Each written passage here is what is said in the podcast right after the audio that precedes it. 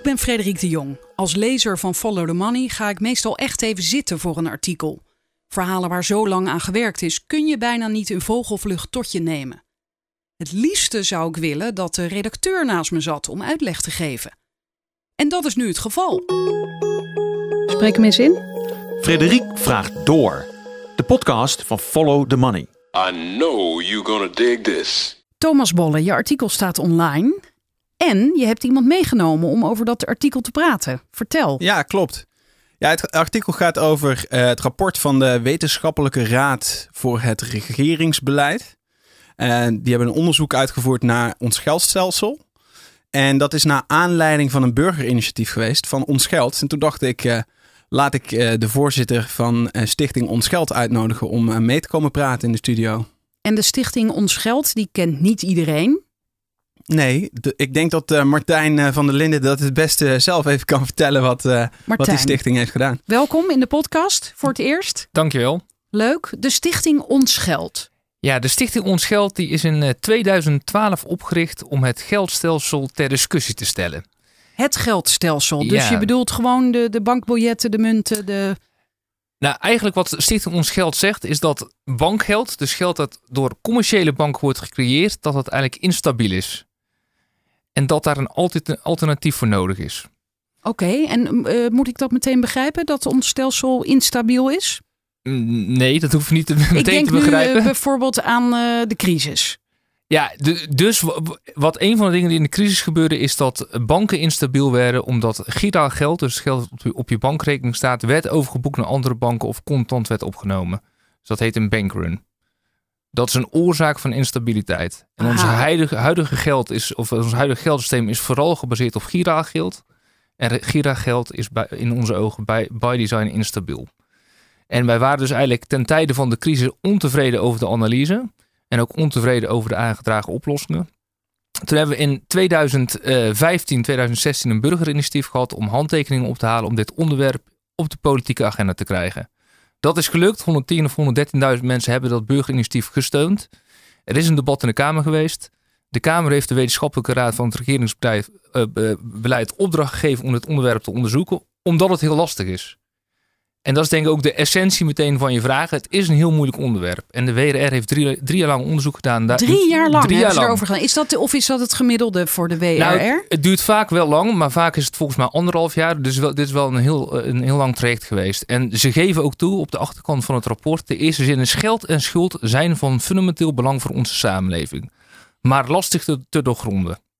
Dat en dat- geven ze direct toe. Dat geven ze direct toe. En dat was denk ik ook in het onderzoeksproces een van de redenen waarom het zo lang heeft geduurd. Dus het is gewoon lastig te, ja, te begrijpen en daarom ook uit te leggen. En jij, Thomas, zat met spanning te wachten op dit rapport. Ja, ja zeker. Want je bent al heel lang met dit onderwerp bezig. Ja, ik eh, volg eh, het geldstelsel al een hele tijd. Eigenlijk is mijn interesse ook daarvoor eh, geboren tijdens de crisis. Dus eh, rond eh, 2008. Ik was toen afge- afgestudeerd financieel econoom. En toen begreep ik eigenlijk niet zo goed waardoor die crisis eh, werd veroorzaakt.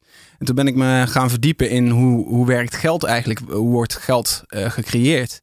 En toen ontdekte ik allerlei dingen die ik nooit had geleerd tijdens mijn studie. En ja, die fascinatie is eigenlijk alleen maar gegroeid. En, en zodoende ben ik het onderwerp blijven volgen. En ja, in dit rapport, eh, ja, dat, daar, daar zou nu komen te staan van hoe, hoe zit het nou echt? En eh, wat kunnen we eraan doen dat het, dat het eh, geldstelsel op deze manier werkt? En dat, dat was de hooggespannen verwachting. En ja, ik denk een aantal zaken waar jij net al zegt van... eh, moet ik het meteen begrijpen?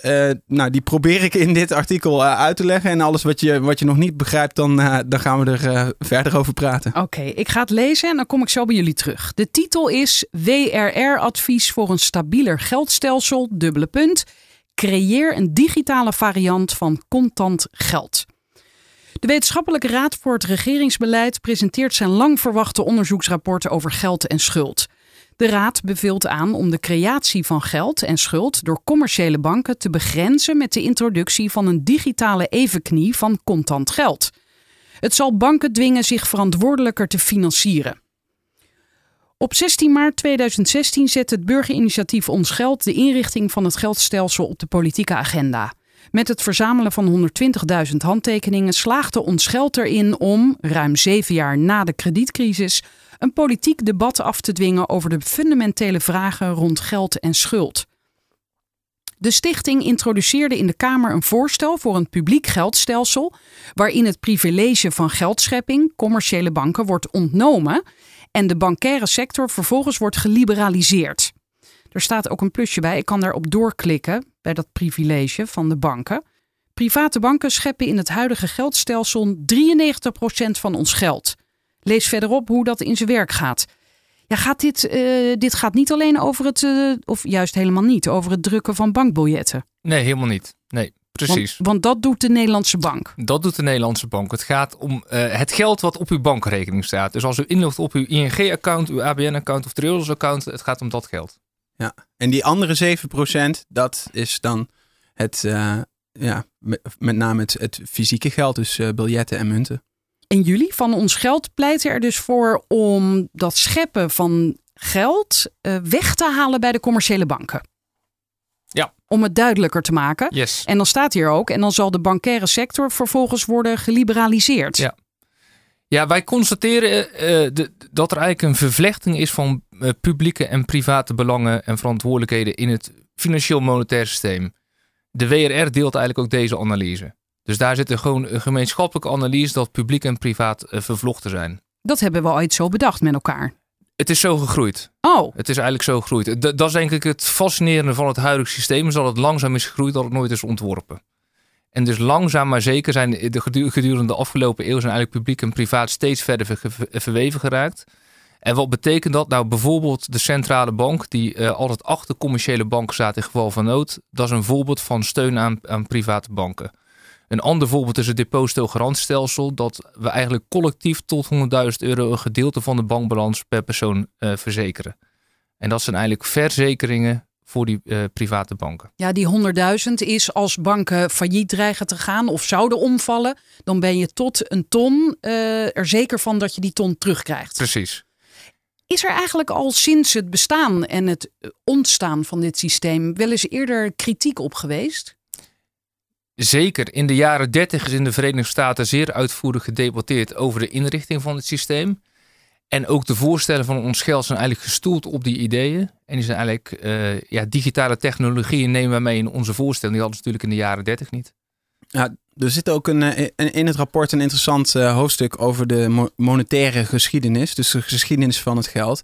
En ehm, dat is dan gefocust op, op Nederland. Maar eigenlijk als je gewoon door de historie gaat kijken... is er altijd heel veel verandering in ge- geweest in wat nou eh, gebruikt werd als geld. Hoe dat geld werd gecreëerd.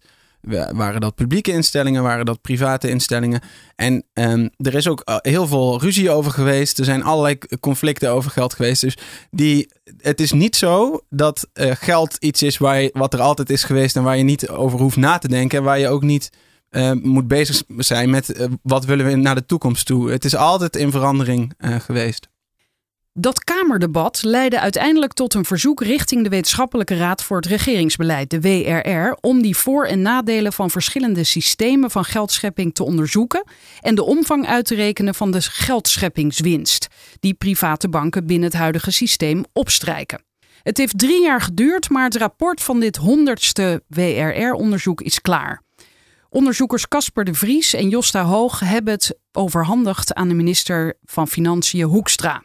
Het politieke debat over fundamentele monetaire hervorming en innovatie is in de tussentijd echter zo goed als stil komen te liggen. Zo verschuilde de vorige minister van Financiën, Jeroen Dijsselbloem, zich achter het lopende WRR-onderzoek om een experiment met een veilige depositobank te dwarsbomen, nadat de Kamer unaniem met het experiment had ingestemd. Want de Tweede Kamer Ja. zag het kennelijk wel zitten om het eens te proberen. Ja, tegelijkertijd met eh, in datzelfde Kamerdebat over het voorstel van ons geld kwam ook een, eh, een tweede initiatief eh, ter sprake. De, op, de oprichting van een depositobank. En dat is eigenlijk een, ja, een, een veilige bank die dus je geld niet uitleent, maar die je geld daadwerkelijk bewaart. En dat dan in de vorm van ja, bij, de, bij, bij de centrale bank eigenlijk stalt. En dat, is, dat kan je vergelijken eh, met een, een digitale eh, variant van cashgeld. Dus dat is echt van jou. En wat er ook met die eh, depositobank zelf gebeurt, Het geld blijft van jou, ook als die bank omvalt. Dat was het plan voor het experiment en dat is er dus niet gekomen. Precies. Want de Kamer zag het zitten, maar de minister die zei nee, laten we even wachten op dat rapport. Nou, de, de, de, de- het voorstel van een depositobank is eigenlijk van de politiek naar de DNB, naar de RAFM, weer terug naar de politiek. En toen heeft de politiek het bij de WRR neergelegd. Met het idee, de WRR komt met een nou ja, voorstel hoe het geïmplementeerd kan worden. En waarom was Dijsselbloem zo huiverig, denken jullie? Ehm, ja, dan, dan komen we. Dat is, ik denk dat we daar beter later op terug kunnen komen. Want eh, de WRR zegt er wel iets over. En ik denk dat het dan eh, duidelijker wordt. Dus Ja, wij, gaan dit nu als een cliffhanger eh, ja, het is even... een, een cliffhanger over Een de enorme cliffhanger. Ja, oké. Een cliffhanger over de depositobank. Goed. Op het gebied van monetaire hervorming is Nederland dan ook ver achterop geraakt bij landen als het Verenigd Koninkrijk en Zweden. In Zweden werd vorig jaar een experiment met een digitale nationale munt, de e-krona, aangekondigd. Wat gaan ze daarmee doen met die e-krona? Ze gaan er eigenlijk dus testen met een digitale variant van cash. En dat doen ze in Zweden omdat daar cash contant geld dus nauwelijks meer wordt gebruikt. En dat zou betekenen dus dat er bijna geen publiek geld meer in omloop is. En daar heeft de Nederlandse bank hier toch ook voor gewaarschuwd. Die, die maken zich zorgen over het feit dat wij zo weinig met cash betalen. Zeker. En in Zweden eh, maken ze zich kennelijk ook zorgen. En hebben ze gezegd, laten we dan een e-krona introduceren. En hoe lang gaan ze daarmee testen? Nou, ze gaan dit jaar gaan ze experimenteren. En dan zullen ze eh, een jaar doen. En dan gaan ze het evalueren en komt er een vervolgstap. En hoe komen de Zweden dan eh, aan deze e-krona's? Hoe je daaraan komt. Nou, het is eigenlijk hetzelfde wat je nu, eh, het geval als je gaat pinnen. Als je nu gaat pinnen, dan wissel je je bankgeld om voor fysiek geld, dus voor bankbiljetten. En in het geval van een e-krona zou je je bankdeposito, dus je, je rekening, overboeken naar de e-krona. Maar dan komen er steeds nog gewone kronen uit die pinautomaat. Ehm, nou, in dit geval, wat in Zweden een heel specifiek probleem is, is dat in Zweden zijn er heel veel bankkantoren die geen fysiek geld meer accepteren. Dus daar kun je je geld niet meer inleveren, daar kun je niet meer pinnen. Er zijn ook veel eh, eh, eh, gewoon winkels die dus, omdat je nergens ge- je fysieke geld je, je, kwijt kunt, die accepteren ook geen biljetten meer. Wauw. Dus daar gaan ze echt nog, nog een stap verder dan in Nederland eigenlijk. En daarom zijn ze in Zweden dus ook heel hard aan het onderzoeken. Nou ja, wat is dan een geschikte digitale variant voor contant geld? Maar waarom zou je een, een digitale variant naast je gewone digitale geld nodig hebben? Nou ja, ja Thomas. Ja, dat, eh, dat is de kern van, van deze problematiek. Maar die analyse die wordt, die wordt helder in het eh, rapport van de WRR. Je gaat toch niet de hele tijd vooruitwijzen? Nou ja, ik, ik, ik denk dat als we alles nu gaan Ja, bespreken, dat, het eh, nog ingewikkelder wordt. Oké, maar we waren dus gebleven bij de Tweede Kamer zag een experiment zitten. De minister hield het tegen, verschuilde zich achter het rapport. Nederland eh, loopt daardoor achter op andere landen, bijvoorbeeld Zweden. De verwachtingen voor het rapport waren hoog gespannen. De WRR zou naast de analyse van alternatieve geldstelsels en het uitrekenen van de geldscheppingswinst van commerciële banken tegelijkertijd uitzoeken hoe een depositobank kan worden mogelijk gemaakt. De WRR signaleert in zijn rapport twee kernproblemen in de financiële sector.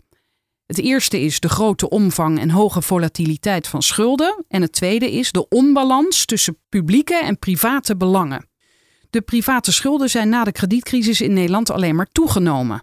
Bedroegen ze in 2007 nog 1400 miljard euro. In 2017 was dat cijfer opgelopen tot 2000 miljard. Dat is een stijging van de schulden ten opzichte van het BBP van 230 naar 280 procent. De WRR bestempelt dat als zorgelijk vanuit het oogpunt stabiliteit en evenwichtige economische groei. Oké, zorgelijk. Eh, even kijken, onze schulden zijn alleen maar toegenomen sinds de crisis. Dat klinkt vrij logisch, toch? Of niet?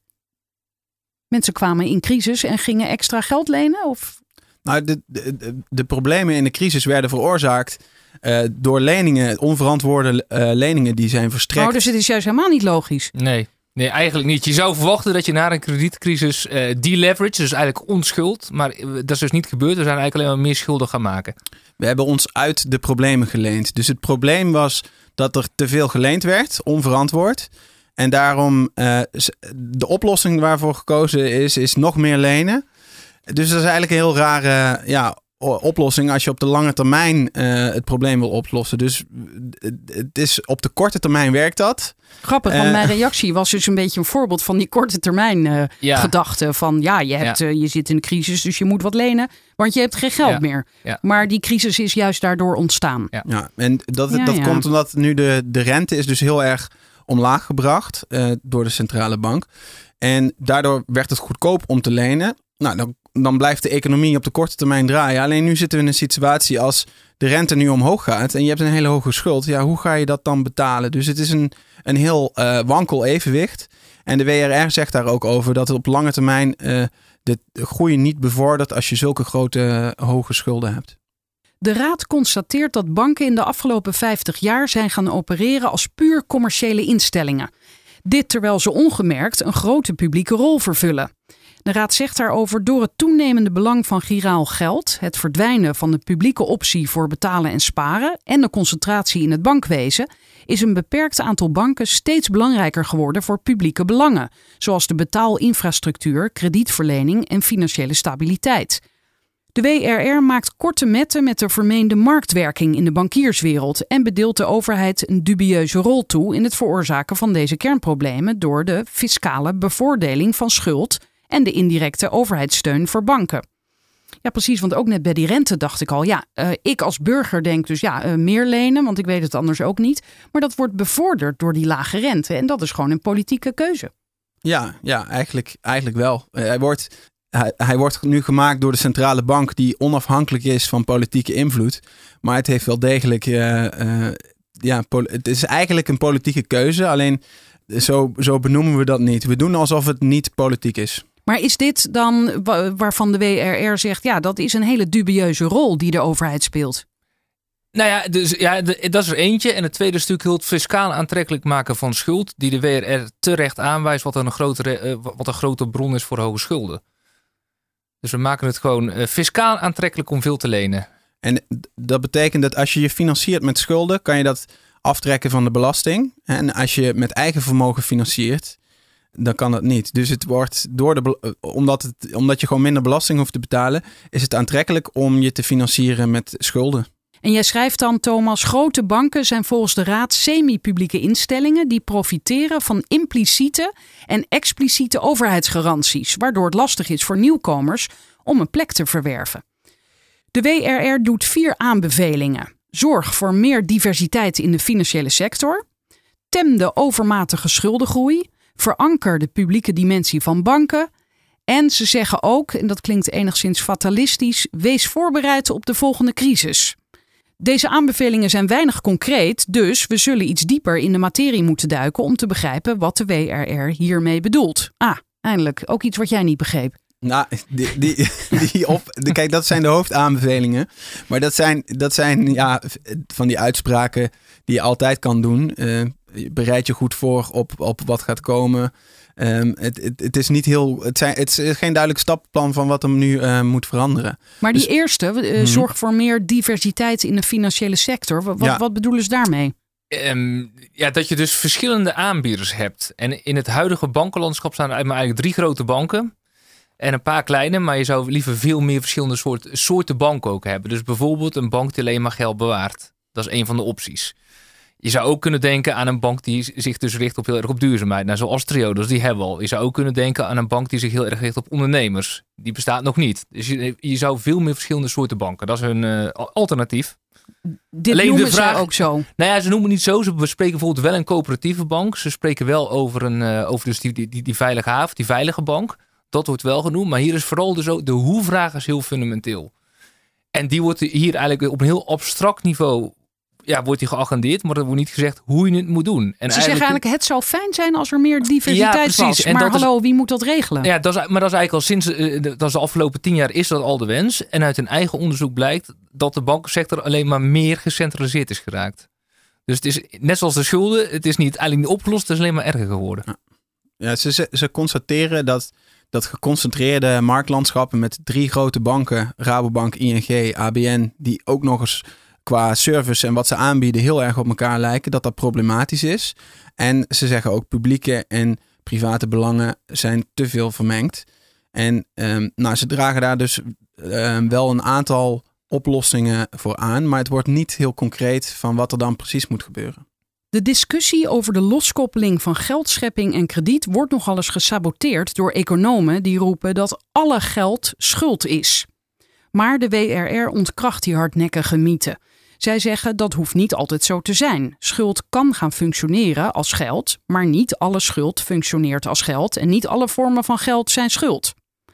De WRR schrijft dat contant geld schuldvrij geld is, omdat de bezitter ervan niets kan opeisen bij de centrale bank.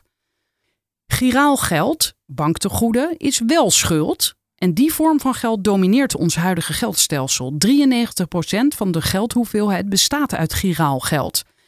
Dit geld wordt gecreëerd door de commerciële banken wanneer ze een lening verstrekken.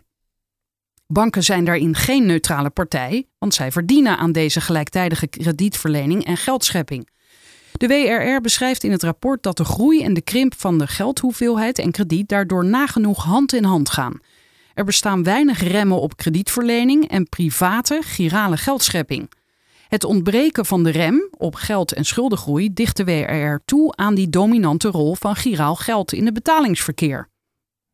Ja, Ja, dus zij zetten daar in ieder geval ook dus vraagtekens bij. precies, precies. En eh, ze zeggen hier, eh, ze, eh, wa- wat, wat ze net zeiden, of wat ik al in ieder geval had, had samengevat, is dat de hoofdprobleem is die, die hoge schulden. En, en ze zeggen hier, de oorzaak daarvan is eigenlijk die dominante rol van giraal geld. Want banken die creëren geld en schuld gelijktijdig. En daar, dat wordt niet goed ge- geremd in het huidige systeem. Dus als je vooral giraal geld eh, gebruikt, dan ehm, is het eh, eh, logisch dat er ook hoge schulden ontstaan. Want die banken hebben ook een motief om veel uit te lenen, want daar verdienen ze aan. Dus ga- gaat ook die geldhoeveelheid meebewegen. Nou, en contant geld, dat wordt dus eh, niet als schuld uitgegeven. Dus ze zeggen, je kunt daarbij niks claimen.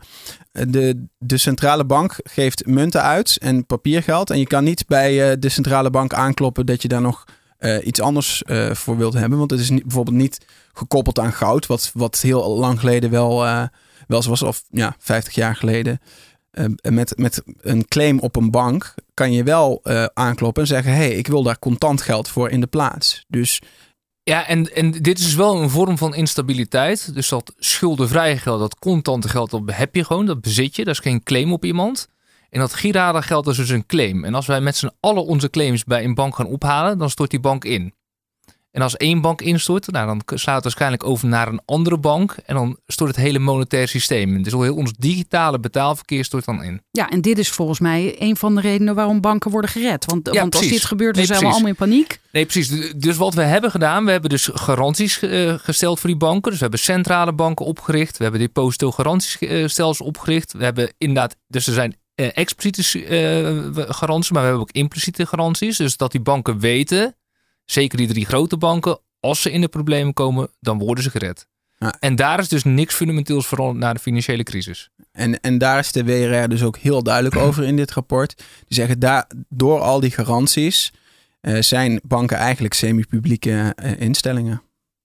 Deze giralisering is volgens de WRR een onderliggende oorzaak van de geld- en schuldenproblematiek. De Raad illustreert in een apart hoofdstuk over onze monetaire geschiedenis hoe uitzonderlijk die situatie is. Contant geld, uitgegeven door een centrale bank en oorspronkelijk gemaakt van edelmetaal, speelde in de geschiedenis een veel belangrijker rol in het dagelijks betalingsverkeer. Ja, net, net zei ik het ook al even. eh, eh, vorig jaar heeft de, de Nederlandse bank ook bij ons gewaarschuwd van ja, we, we zijn wel heel erg digitaal aan het betalen. En daarna dacht ik, ja, dus en wat wil je dat we gaan doen? Nou, precies. En, en hier raak je volgens mij de, de kern. Want we, we, we betalen gewoon digitaal. Dat, is, Ja. dat gaan we ook niet meer veranderen. Nee, sterker nog, we hebben met z'n allen, eh, nou ja, sommige mensen hebben daaraan bijgedragen en hebben dit allemaal bedacht. We zijn er kennelijk blij mee. Ja. Maar dan zegt de Nederlandse bank, ja, het is wel, eh, het neemt een hoge vlucht. Ja, en, maar, maar wat volgens mij hier het essentiële inzicht is, en dit heeft de WRR ook gemist, dat giraal geld is gedigitaliseerd. Dus het girale geld is eigenlijk geüpdate naar het digitale tijdperk. Het contante geld, dus onze briefjes en muntjes, die zijn eigenlijk blijven hangen in het industriële tijdperk. En de vraag die ons geld eigenlijk stelt, van moeten we dat contante geld dan niet ook updaten naar het digitale tijdperk? Want zoals je zelf ook terecht stelt, het is gewoon veel handiger.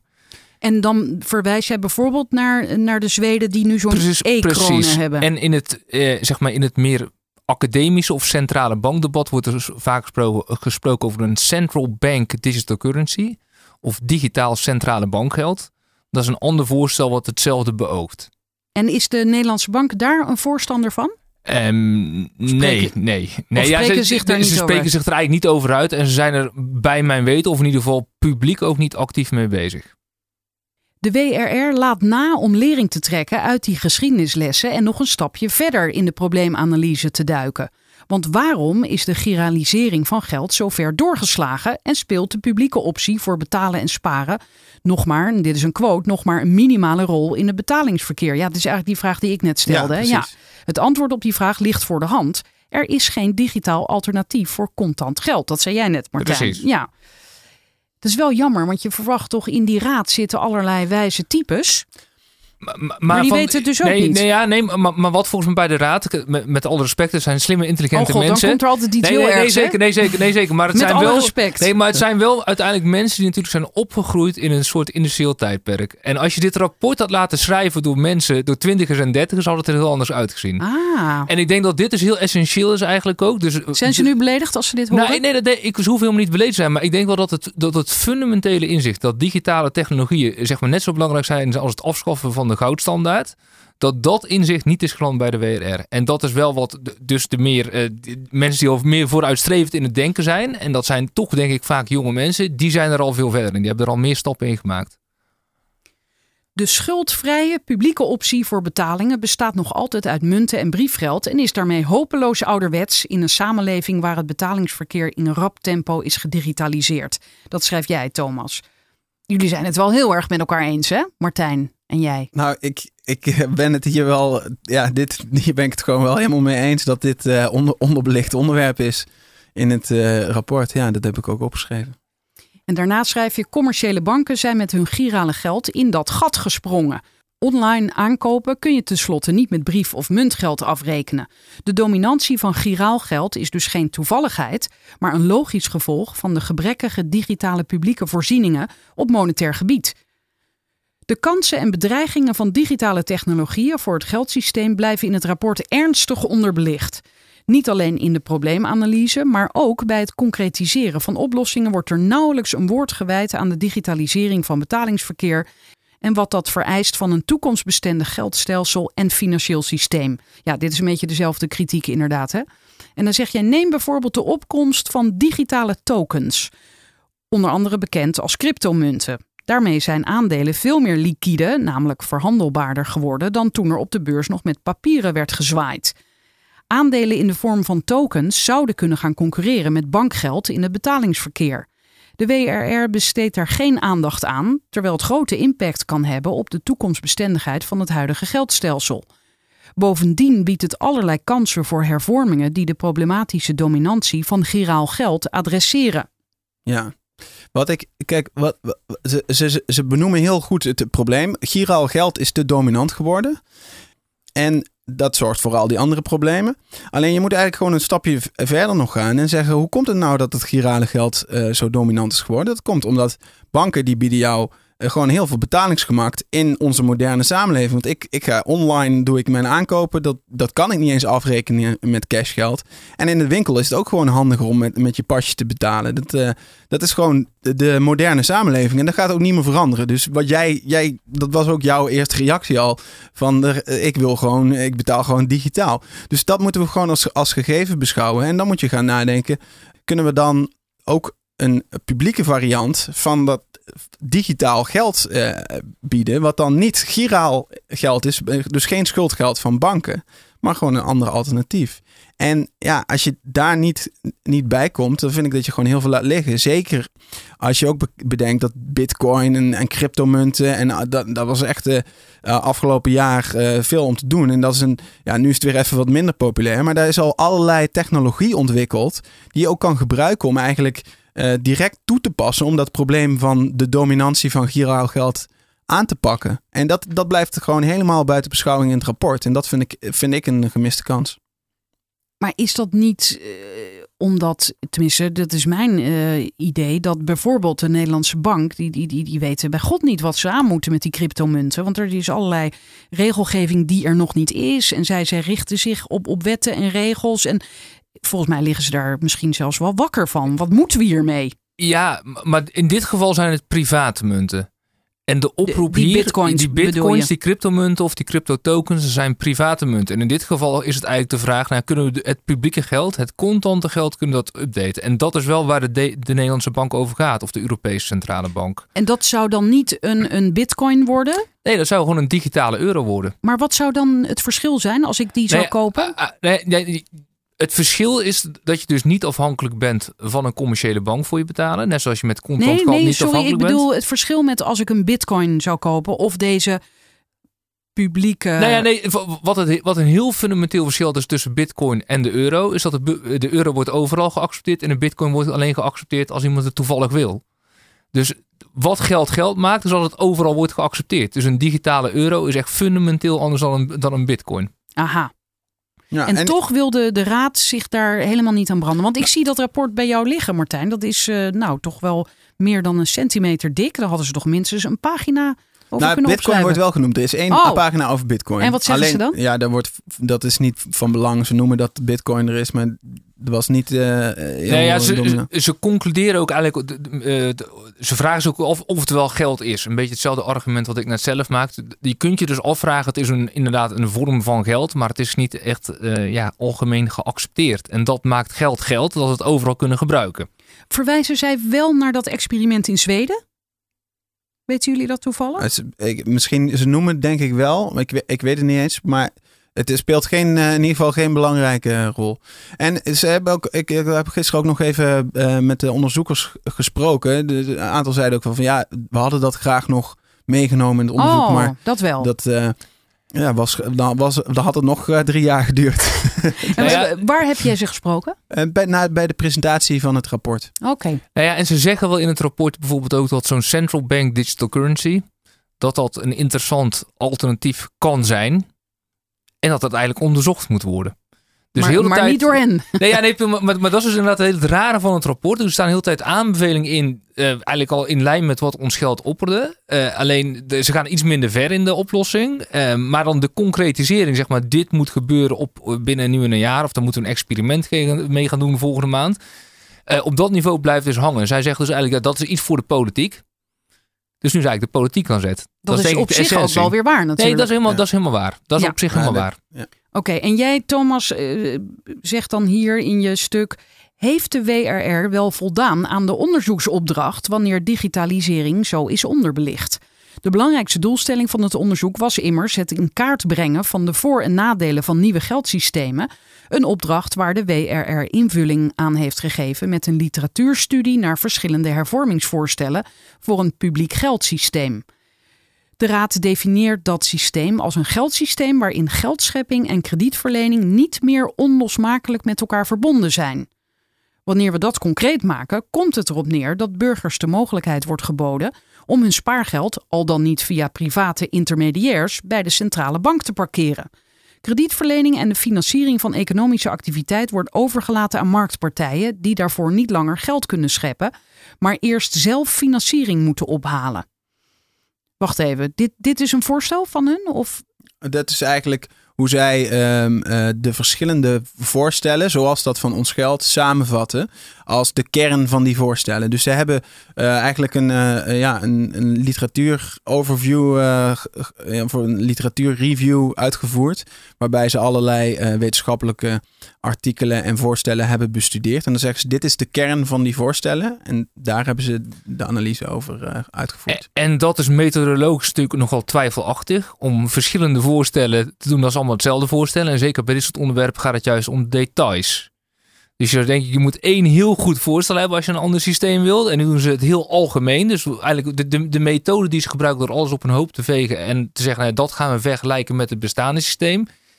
Eh, is in mijn ogen ja, d- d- dat mist zeg maar wat er eigenlijk echt nodig is wil je naar een ander systeem toe. Dan gaat het juist om details van welk voorstel is het best en wat zijn de, voor, ja, de, de voor- en nadelen van verschillende voorstellen. Maar jij had Ja. natuurlijk graag gewild dat Stichting Ons Geld de hoofdrol had gespeeld. Nou, nee, ik, dat niet. Wat wij hebben gedaan, wij hebben een voorstel ontwikkeld. En daarmee hoop je een bijdrage te leveren aan het maatschappelijk debat over de inrichting van het geldstelsel. En ook de uitdaging handen te leggen, ontwikkel betere voorstellen.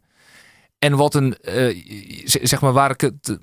Wat het de opdracht voor de WR moeilijk maakt, is dat ook dit debat ontwikkelt zich natuurlijk. Toen wij het voorstel van ons geld schreven, dat is 3,5 jaar geleden. Nou, in de afgelopen 3,5 jaar hebben wij natuurlijk ook weer heel veel geleerd. En er zijn de afgelopen jaren steeds meer onderzoekers ehm, ja, mee bezig. Dus bijvoorbeeld dat central bank digital currency, dat bestond vier jaar geleden nog helemaal niet. Dat is in het proces gekomen. Die, die e-corona ook. Dus je ziet dat de ideevorming zich dus ontwikkelt. Dat er steeds betere voorstellen komen. En de WRR heeft dat in dat proces eigenlijk een beetje... Ja, ze, ze zijn een beetje blijven hangen. Dus ze, ze- ja, ze zijn niet helemaal up-to-date eigenlijk toch. Dat is, eigenlijk, dat is toch mijn conclusie. Maar, Maar die, ik- die ik mensen ben die het in die wel- raad zitten, dat, dat is toch een bijbaan, geloof ik. Hè? ja, zeker, tuurlijk. Ze hebben gewoon ook nog hun werk. Maar, maar, ja, nee, maar jij... Maar, nee, maar ze even- zijn daar wel. Ze hebben hier wel echt. eh, ik weet niet hoeveel uren ze erin hebben gestopt, maar ze zijn wel echt hier vol. Ja, maar even, even voor duidelijk. Je, je hebt de wetenschappelijke raad voor het re- regeringsbeleid. Er zit inderdaad een raad in. Dat zijn professoren. Maar aan het rapport heeft wel een werkgroep gewerkt, een projectgroep. Dus er zijn een aantal onderzoekers, hebben hier fulltime of parttime drie jaar aan gewerkt. En twee raadsheren, eh, Boot eh, en eh, Casper de Vries, die hebben zeg maar als raad, raadslieden erin geacteerd. En die bespreken dan de hele tijd het eindrapport in de raad. Ik meen dat meneer Boot, die jij noemt, die was toen ook ooit op het congres Zeker. van Stichting Ons Zeker. Geld. Maar was die daar als, als fan of als Nou ja, tegenstander? Het nou de, beide denk ik. Dus beide. Maar ook het WR-rapport heeft ook beide kanten. Zeg maar. Van de ene kant gaat het heel ver mee in de analyse. Eh, en van de andere kant in de oplossingsrichting is de WRR heel erg voorzichtig. En is ons geld ook verder. Maar er, ligt natuurlijk ook, ja, er zijn verschillende instituten met verschillende rollen in de maatschappij. Wij zijn eh, activistisch, kritisch, we mogen vrij denken. En de WR die moet eigenlijk, die, die gaat eigenlijk kijken wat is realistisch. En dat geldt hetzelfde voor Boti. Van de ene kant mag hij natuurlijk ook als academicus vrij denken. En bij de WRR is, ja, is zijn rol toch ook al politieke. Want het moet wel realistisch blijven. Nou, ik begrijp wel ehm, dat de eh, WRR eh, die, die voorstellen uiteindelijk wel eh, samenvat tot wat is de kern. Dus ik, ik ben het ook wel helemaal eens met hun samenvatting van dat dat de kern van al die voorstellen is. En je moet daar wel, eh, ja, om, om daar iets over te zeggen, is denk ik wel het, allerbelangrijkste. Dus ik begrijp dat ze op die manier ehm, focus hebben aangebracht. Maar wat, wat Martijn zegt, dat klopt ook wel. Dat je op die manier mis je natuurlijk wel de nuances en, en de stappen eh, die je nodig hebt om dan tot een concreet eh, voorstel en, en uitwerking daarvan te komen. En wa- wa- wat ik denk dat er nog ehm, moet gebeuren. Dus eigenlijk de voorstellen tot monetaire hervorming moeten eigenlijk nog verbeterd worden. Dus de afgelopen jaren zie je dat die voorstellen steeds concreter, steeds be- beter uitgewerkt worden. En dat het ook steeds realistischer wordt. Dus je moet het kunnen opdelen in stappen. Je kunt niet in één keer heel het systeem omgooien. En daar zijn dus heel veel onderzoekers mee bezig- bezig. Hoe kunnen we beginnen met een rekening, een veilige digitale rekening voor iedereen, bijvoorbeeld tot 100.000 euro? Dat kan een eerste stap zijn. Kunnen we dan het depositogarantiestelsel afbouwen? Stap 2. En zo gedetailleerd zou eigenlijk het, stap, eh, het stapplan moeten zijn om het zeg maar realistisch te maken in politieke zin. Het resultaat van het rapport is een opsomming van theoretische voor- en nadelen, achterliggende aannames en mogelijke risico's van variaties op zo'n publiek geldsysteem, die verschillende onderzoekers hebben benoemd in andere werken. De eigen analyse van het WRR-team is vrijwel nihil. Nieuwe inzichten zijn schaars in het rapport. Bovendien zijn enkele belangrijke boeken die serieus ingaan op de digitalisering van geld, zoals bijvoorbeeld The End of Banking van Jonathan Macmillan en The Money Problem van Morgan Riggs, volledig buiten beschouwing gelaten. Op een ander onderdeel van de onderzoeksopdracht voldoet het rapport in elk geval niet. De WRR heeft niet uitgerekend hoe groot de geldscheppingswinst voor Nederlandse banken is, terwijl dat expliciet in de opdracht stond.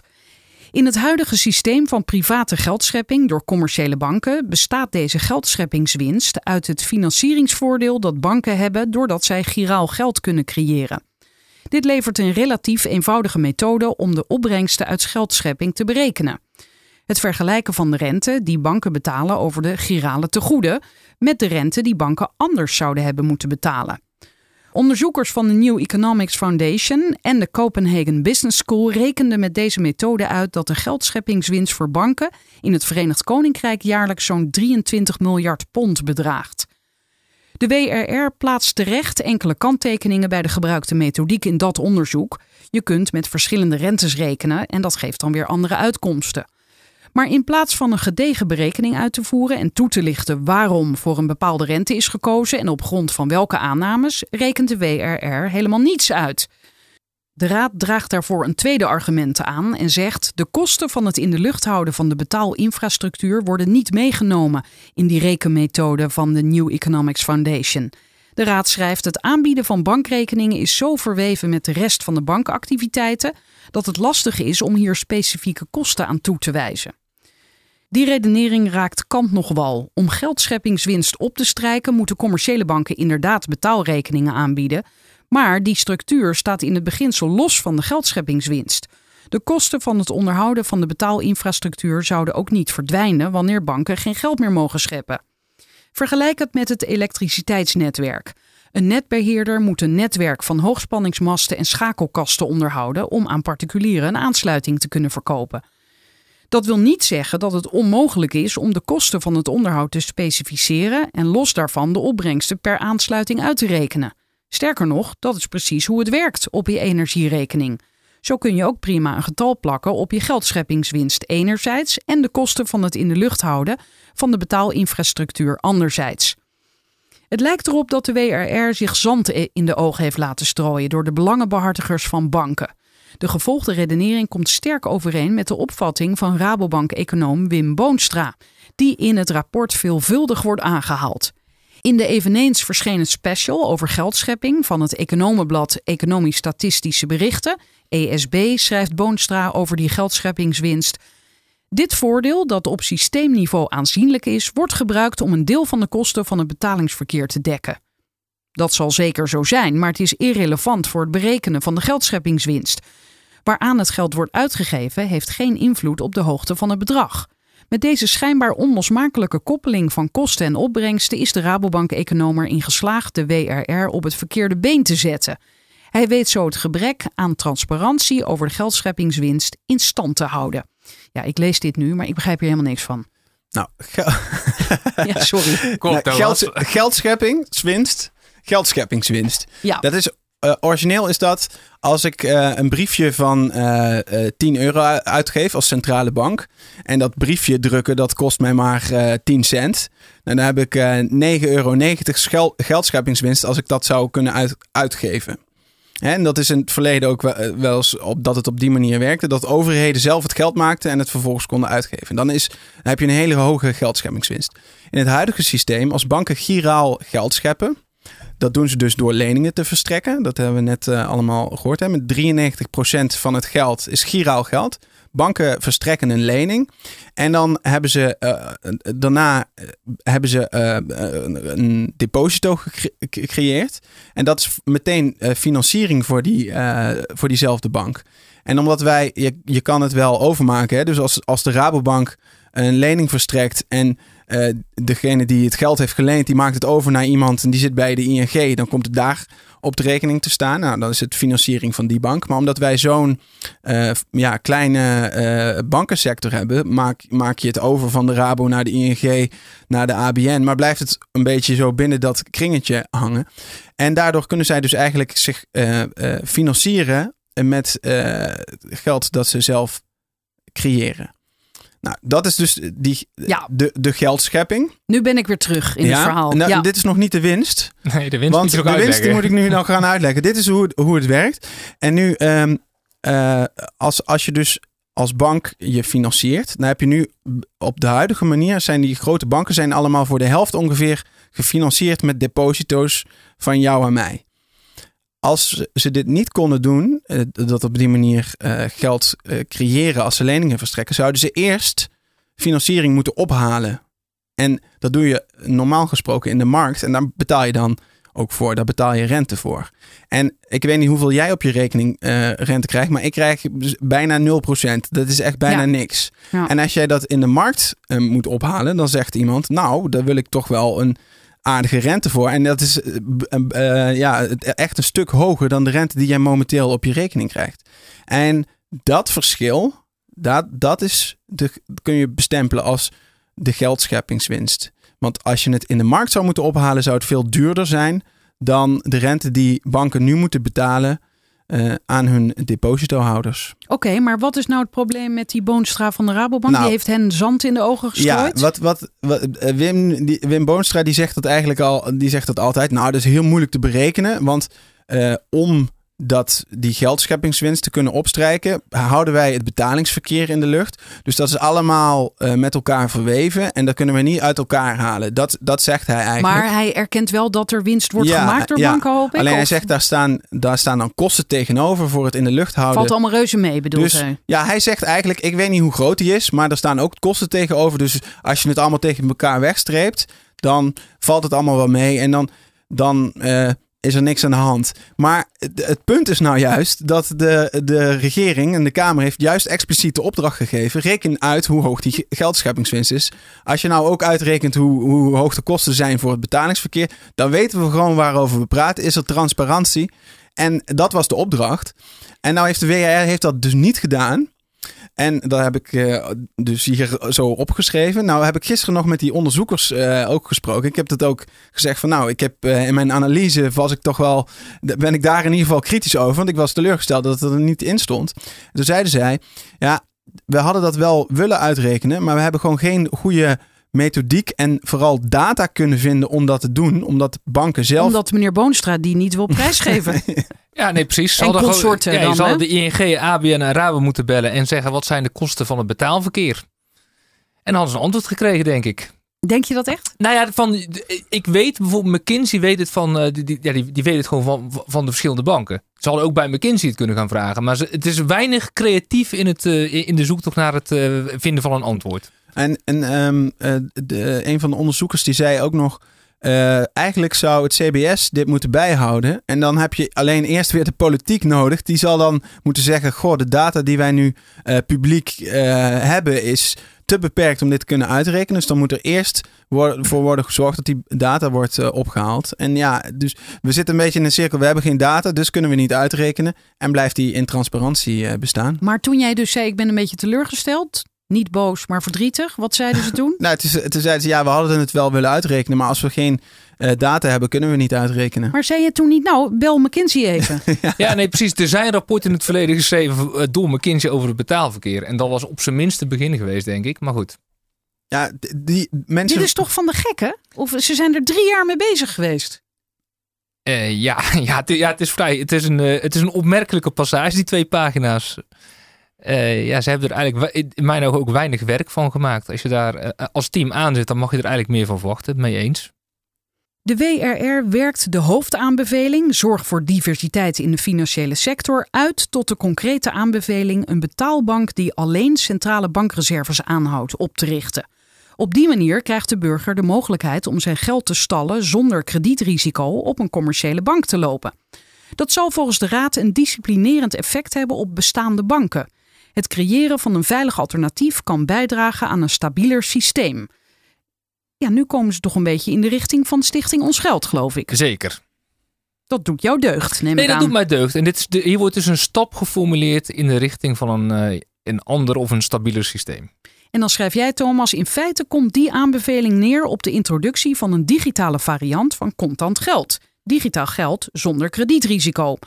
De stichting Full Reserve wilde hieraan drie jaar geleden al invulling geven met de oprichting van een private depositobank. Daar is die Ja, die cliffhanger, hè, van het begin. Ja. De Kamer was het er toen al over eens dat zo'n depositobank gewenst is en verzocht de minister om uit te zoeken hoe juridische obstakels voor de oprichting ervan konden worden weggenomen.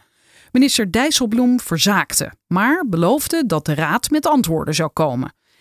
Maar de WRR doet op zijn beurt slechts verslag van de antwoorden van de minister. Ja, met dit doorverwijscirkeltje schiet niemand wat op. De Nederlandse burger kan nog steeds niet terecht bij een veilige bewaarbank, terwijl er voorstellen te over zijn. In navolging van Stichting Ons Geld en Stichting Full Reserve presenteerde SP-Kamerlid Mahir Alkaya in december een eigen plan voor een publieke digitale kluis. En daar kan ik op klikken. Dat ja, dan ga je naar, volgens mij naar. een e- externe link. Die, eh, Nee, dat, naar een ander Oh. artikel van jou. Ja, nou, dat the Ja, refereer daar jezelf, heerlijk. Ja. Nee, Alkaya die heeft eh, eh, in december een, een plan geïntroduceerd eigenlijk voor een, een publieke depositobank. Daar komt het om neer. En eh, ja, Full Reserve, dat is eh, de stichting die al eerder die depositobank wilde oprichten. Dus die plannen komen overeen, ja, bedoel die, je? ja, dat, zijn, dat is dan weer een andere versie daarvan. Maar het zijn allemaal eh, uitwerkingen van zo'n bank die eh, ja, eigenlijk gewoon een, een digitale variant van cashgeld eh aanbiedt. En eh, ja, ik sprak ook nog de mensen van de stichting Full Reserve gisteren. En die zeiden ook van nou, mooi dat, het, dat die aanbeveling erin staat. Alleen ik mis wel een beetje het hoe. Van wat zijn nou de, de, de stappen die we moeten zetten? Hebben jullie ook eh, nu de obstakels weggehaald? Of hebben jullie uitgewerkt van wat er nu opgelost moet worden? Want drie jaar geleden wilden we dit ook al. Alleen blijkbaar kan het niet. En de opdracht was juist zoek uit hoe het eh, mogelijk kan of worden wat, gemaakt. eh, wat de obstakels zijn. Ja, ja de- Maar is het zo dat die stichting Full Reserve eh, zelf al, al weet hoe het zou moeten? Of, Ze hebben, ze hebben juridisch uitgezocht hoe het zou moeten. Alleen Dijsselbloem die heeft zich verscholen achter Europese richtlijnen. En ehm, ja, daar is dus een hele discussie. De juristen van Depositobank zeggen, nou, het is mogelijk binnen de wetgeving. Da- eigenlijk moet je hier gewoon kritisch naar kijken en het ehm, mogelijk maken. Want als, je, als die wetgeving echt eh, belemmert, dan kan de politiek zeggen: we moeten die wetgeving aanpassen. En ja, volgens, volgens de juristen van de Depositobank is die ruimte er gewoon om het binnen Nederlandse wetgeving eh, te regelen, zonder dat je Europees op je vingers wordt getikt. is die stichting niet totaal gefrustreerd inmiddels? Ehm, nou, totaal gefrustreerd zou ik niet Ik willen overdrijf zeggen. iets, maar... Nee, maar het is wel zeer frustrerend. Ja. Want hier, hier word je gewoon in een, in, een, in een cirkeltje gewezen. En dat wordt, het wordt gewoon niet opgelost. En uiteindelijk zullen politici zeg maar gewoon lef moeten tonen en het gewoon moeten doen. En wa- wat, wat ik zelf hier heel erg van heb geleerd is hoe het financieel monetair systeem samenhangt van wet en regelgeving. En ook hoe dus belangrijk politieke actie is. Want zonder politieke actie ontstaat er eigenlijk geen ruimte. En je ziet dus ook een, eigenlijk een, eh, denk ik, dat er lang een kennistekort in de Kamer heeft gezeten op dit gebied. En ja, daar daar- kan ik me iets bij voorstellen. ja, ja. Maar, maar, maar daar helpt dit rapport wel bij. Dus daar is dit rapport. Er zitten ook echt hele goede dingen eh, ge- eh, kant aan dit rapport. En daar helpt dit rapport zeker. Het legt eigenlijk een fundament onder het debat. Legt uit hoe het werkt. Legt uit wat de grote problemen zijn. En dan kun je over de oplossing kun je natuurlijk van, van mening verschillen. Of van, van visie verschillen. Maar En het debat is in ieder geval weer geopend daarmee. Zeker, het debat, het debat is geopend en het heeft ook een stevig fundament gekregen. Juist door de constatering van de WRR dus dat er twee grote problemen zijn. De, de, de, de schuld en de volatiliteit. En anderzijds die publieke en private belangen die eh, verstrengeld zijn geraakt. De WRR laat er geen twijfel over bestaan dat de problemen binnen het huidige geldstelsel onoverkomelijk zijn zonder fundamentele hervorming en pleit voor enerzijds voor de verankering van het publieke belang en anderzijds de disciplinerende werking van een diverser bankenlandschap. De Raad werkt echter slecht uit hoe dat moet gebeuren. Ja, dat zei je net ook, Thomas. Een stappenplan ontbreekt en concrete aanbevelingen voor echte innovaties zijn schaars. Er worden ook enkele belegen aanbevelingen, zoals versterking van het bestaande macroprudentiële beleid en aanpassing van de governance van banken uit de kast gehaald. Het laatste hoofdstuk doet daarmee geen recht aan de harde boodschappen in andere delen van het rapport. De analyse toont dat de geldscheppende macht van commerciële banken zorgt voor verstrengeling van publieke en private belangen, maar de aanbevelingen sturen niet aan op concrete stappen om die macht stapsgewijs in te perken. De Raad concludeert zelfs: een overgang naar een publiek geldsysteem is een ongewenst experiment met het monetair-financiële systeem, omdat het niet eenduidig vast te stellen is of het beoogde systeem over het geheel genomen beter zal functioneren dan ons huidige stelsel. Ja, zo kan je nooit aan iets nieuws beginnen. precies. Dit geldt voor ieder experiment. Ja, Ja, we, we hebben nu iets wat loopt. Precies. We weten nooit of het slechter of beter wordt. Ja, hallo. Nee, dit is de essentie. Want als je, als je hier dus aan vast had gehouden, had je nog steeds de, de gouden standaard gehad. Hadden we nog steeds eh, daar geen centrale bank gehad. Je moet af en toe veranderen. En je moet mee met de, zeg maar, de technologische ontwikkeling van je tijd. En, en hoe, dan kom ik toch weer even terug bij de Zweden. Hoe doen zij dat dan? Er zijn vast ook mensen die roepen: Oh, maar misschien gaat het dan, wordt het minder. Ja. Nou ja, ik was laatst op een conferentie in Frankfurt. En daar eh, presenteerde een man van de Centrale Bank van Zweden. En eh, die was eigenlijk veel meer. We gaan het gewoon eh, proberen, testen en daarin gaan we verder. En de WRR die blijft eigenlijk bij getheore- getheoretiseerd. Terwijl wat er eigenlijk nodig is, is een concrete stap. Je hoeft niet meteen het hele systeem omver te gooien, maar je kunt een stap bedenken. Je hebt juist een experiment nodig om te weten of het werkt, wat moeten we aanpassen, wat zijn logische volgende stappen. Dus je moet wel in het proces gaan.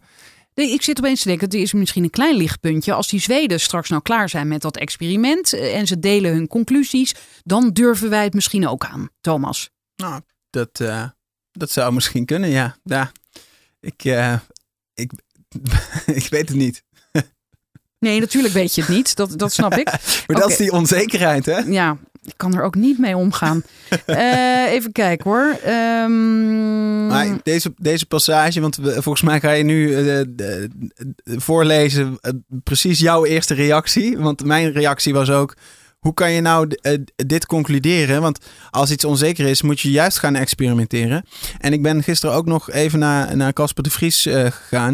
Ik zei, die, die conclusie, dat, ik begrijp niet hoe je daarop komt na de rest van het rapport. En toen zei, zei hij, maar ik, ik ben er absoluut voor dat we gaan experimenteren. Alleen, we moeten niet in één keer overstappen. Want een, en, maar dat zegt ook niemand. Zelfs jij, Martijn, van Stichting Ons Geld, zegt laten we het in stapjes doen. Ja, nee, tuurlijk. Nee, maar, maar, maar, uiteindelijk zeg maar het einddoel wat ons geld heeft gedaan. En ze zeggen ook in het rapport wat het eigenlijk goed is van die uh, vrij radicale voorstel. Dat je een soort antithese van het huidige systeem kijkt. Je, je leert eigenlijk hoe het huidige systeem werkt. Om erover na te denken hoe het anders kan of anders zou kunnen zijn. Dat is dus interessant. En daaruit kun je hervormingsvoorstellen halen die op zichzelf in kleine stapjes interessant zijn, zonder wat dan het einddoel is. En met deze conclusie zeggen, zeggen ze, nou we moeten niet in één keer naar het einddoel toe. Um, maar we, we, kunnen misschien een heel klein stapje. Dan wordt er al heel onduidelijk door als je dat leest. Dus zelfs het stapje zouden beter kunnen zeggen. Nou ja, de raad beveelt aan om een klein stapje te nemen in die richting. En dan te analyseren wat volgende stappen zouden kunnen zijn. Maar op die bijeenkomst zei hij dus: uh, ja. ja. ik wil het wel. Hij zei: we Misschien moeten... is hij de enige. Nee, hij is niet de enige. Oh. Hij was juist de, de, hij is het hoofd van die commissie. En ook die andere onderzoekers zeiden allemaal: nee, we moeten wel gaan experimenteren. Maar we schrijven het alleen niet op. Ze zijn gewoon, ze zeggen het eigenlijk wel. In de rest van het rapport zeggen ze het wel. Alleen ze, ik, ik begrijp ook wel vanuit hun context. Het is gewoon wel een beetje een politiek uh, spel. Hè? Het is wel de wetenschappelijke raad voor regeringsbeleid. En als zij hier nou, stel nou dat ze heel hard hadden gezegd, er moet nu geëxperimenteerd gaan worden en we moeten geleidelijke overgang, dan maken ze een politieke keuze. En die kunnen zij niet maken. Dus ze zijn gewoon ergens een beetje behoudend in die eindconclusie. Ja, ik vind het nu wel aardig dat je wat begrip voor ze toont, maar je schrijft hierop: die conclusie is een dooddoener. Innovatie en vernieuwing zijn per definitie onzeker, maar vasthouden aan een problematische status quo biedt evenmin zekerheid. Experimenten zijn er dan ook om onzekerheden in de praktijk te toetsen en op te lossen. En de Raad schrijft in zijn rapport: In de jaren 30 bleven Nederlandse autoriteiten te lang vasthouden aan de gouden standaard, terwijl er steeds meer bewijs was dat Nederland zich daarmee economisch in de eigen voet schoot. Eigenlijk is de situatie nu vergelijkbaar, want de autoriteiten hebben contant geld, het publieke betaalmiddel, veel te lang niet mee laten ontwikkelen met het digitaliserende betalingsverkeer. En daardoor staan ze nu voor een inhaalslag om de dominantie van giraal geld weer terug te dringen. Een keuze om niet te gaan experimenteren met het digitaal publiek geld en inperking van de geldscheppende macht van banken is een impliciete acceptatie dat banken semi-publieke instellingen blijven. Liberalisering van het bankwezen wordt daarmee uitgesloten. Dat is een politieke keuze en die is niet aan de Raad. De Raad heeft de richting uitgezet en de politiek is nu aan zet om te bepalen welke functie van banken een publieke taak is en wat overgelaten kan worden aan de markt. En daarmee eindigt jouw analyse. Ja, ja die, eigenlijk um, die keuze, wat ik, wat ik net ook al zei, hè, om, om te zeggen we gaan overstappen naar een, een ander geldstelsel. Dat is in wezen, de, de, de, politiek moet die keuze maken. Dus de WR kan alleen uh, uiteenzetten wat dat betekent. En in hun analyse zijn ze eigenlijk heel duidelijk over, de, over het probleem. Die semi-publieke, over, de semi-publieke instellingen die banken zijn geworden, dat is onwenselijk.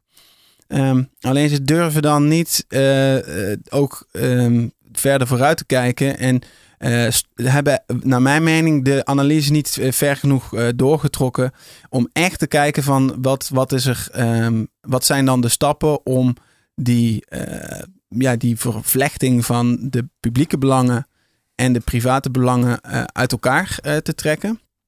En wat er dan wa- wat, wat de mogelijkheden zijn om dan te zeggen. "Dus Als we het op die manier regelen, dan hebben we het publieke gewaarborgd. En dan kunnen we die banken vervolgens helemaal vrij laten. Eh, lekker, eh, mogen ze lekker doen wat ze willen. Dan mag eh, het salaris van Ralf Hamers mag ook omhoog. Daar hoeft de politiek zich dan ook niet meer mee te bemoeien. Dan kan je ze liberaliseren. Alleen dan moet je wel zorgen dat je dat publieke eh, hebt verankerd. En gaan dat we ze dan ze ook niet meer redden als ze Dan omvallen? gaan we ze ook niet meer redden. En ik denk dat dat... Ja, dat is wel ook een.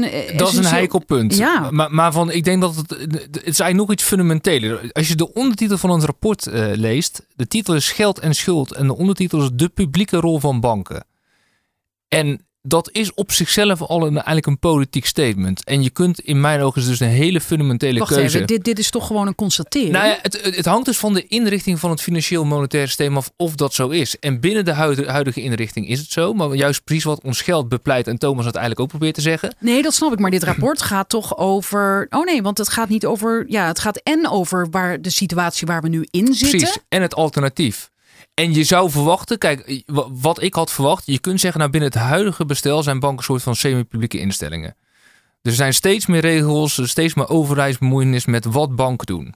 Wat ons geld oppert is, nou ja, als je een digitaal contant geldstelsel organiseert als overheid, fysiek geld mag ook blijven staan, maar het belangrijkste is dat digitale contante eh, geldsysteem. Dat biedt dat mogelijkheden tot het privatiseren van banken of het liberaliseren van de, van de bankensector. En dat betekent dus dat je minder regelgeving krijgt, dat je een aantal van die publieke garanties gaat opheffen. Dus dat banken een andere rol krijgen. En dan zou je dus zeggen, nou ja, de publieke rol van geld eh, sparen en betalen, dat is publiek. En financiële intermediatie, dus geld uitlenen, financieren, dat is privaat. En zij in hun rapport nemen ze eigenlijk aan dat het zo moet blijven.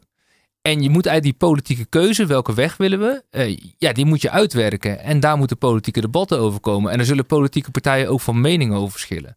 Ja, want dat wilde ik nu vragen. De, hè, de, de, de SP-Kamerlid heeft een voorzet ge- gedaan. Maar van welke partijen verwachten jullie eh, enthousiasme over in ieder geval experimenteren met kleine stapjes? Nou, ik, ik verwacht eigenlijk ehm, vanuit verschillende hoeken dat, dat de mensen enthousiast zijn. Want ehm, ik denk dat voor de, de eh, linksere partijen, dus zoals eh, de SP, is het heel belangrijk dat het publieke belang bewaakt wordt. Dus daarom ook het voorstel om een publieke depositobank op, op, te richten. Maar ik denk juist ook van de andere kant van het politieke spectrum, waar meer de liberale visie, dat je moet zeggen, er moet marktwerking zijn, er moeten keuzemogelijkheden zijn. Dus je hebt verschillende soorten banken nodig. Eh, eh, geen publieke eh, depositobank, maar wel in ieder geval de mogelijkheid om een private depositobank op te richten. Ehm, en eigenlijk vanuit verschillende eh, kanten kan je hier enthousiast van worden. Want het gaat niet alleen om het, om het eh, bewaken van die publieke belangen, maar het gaat ook heel erg over het liberaliseren van de markt. Zodat je niet meer als overheid eh, zo bovenop die banken hoeft te, hoeft te zitten. Want dat is zo problematisch in dat huidige eh, stelsel. Dat je.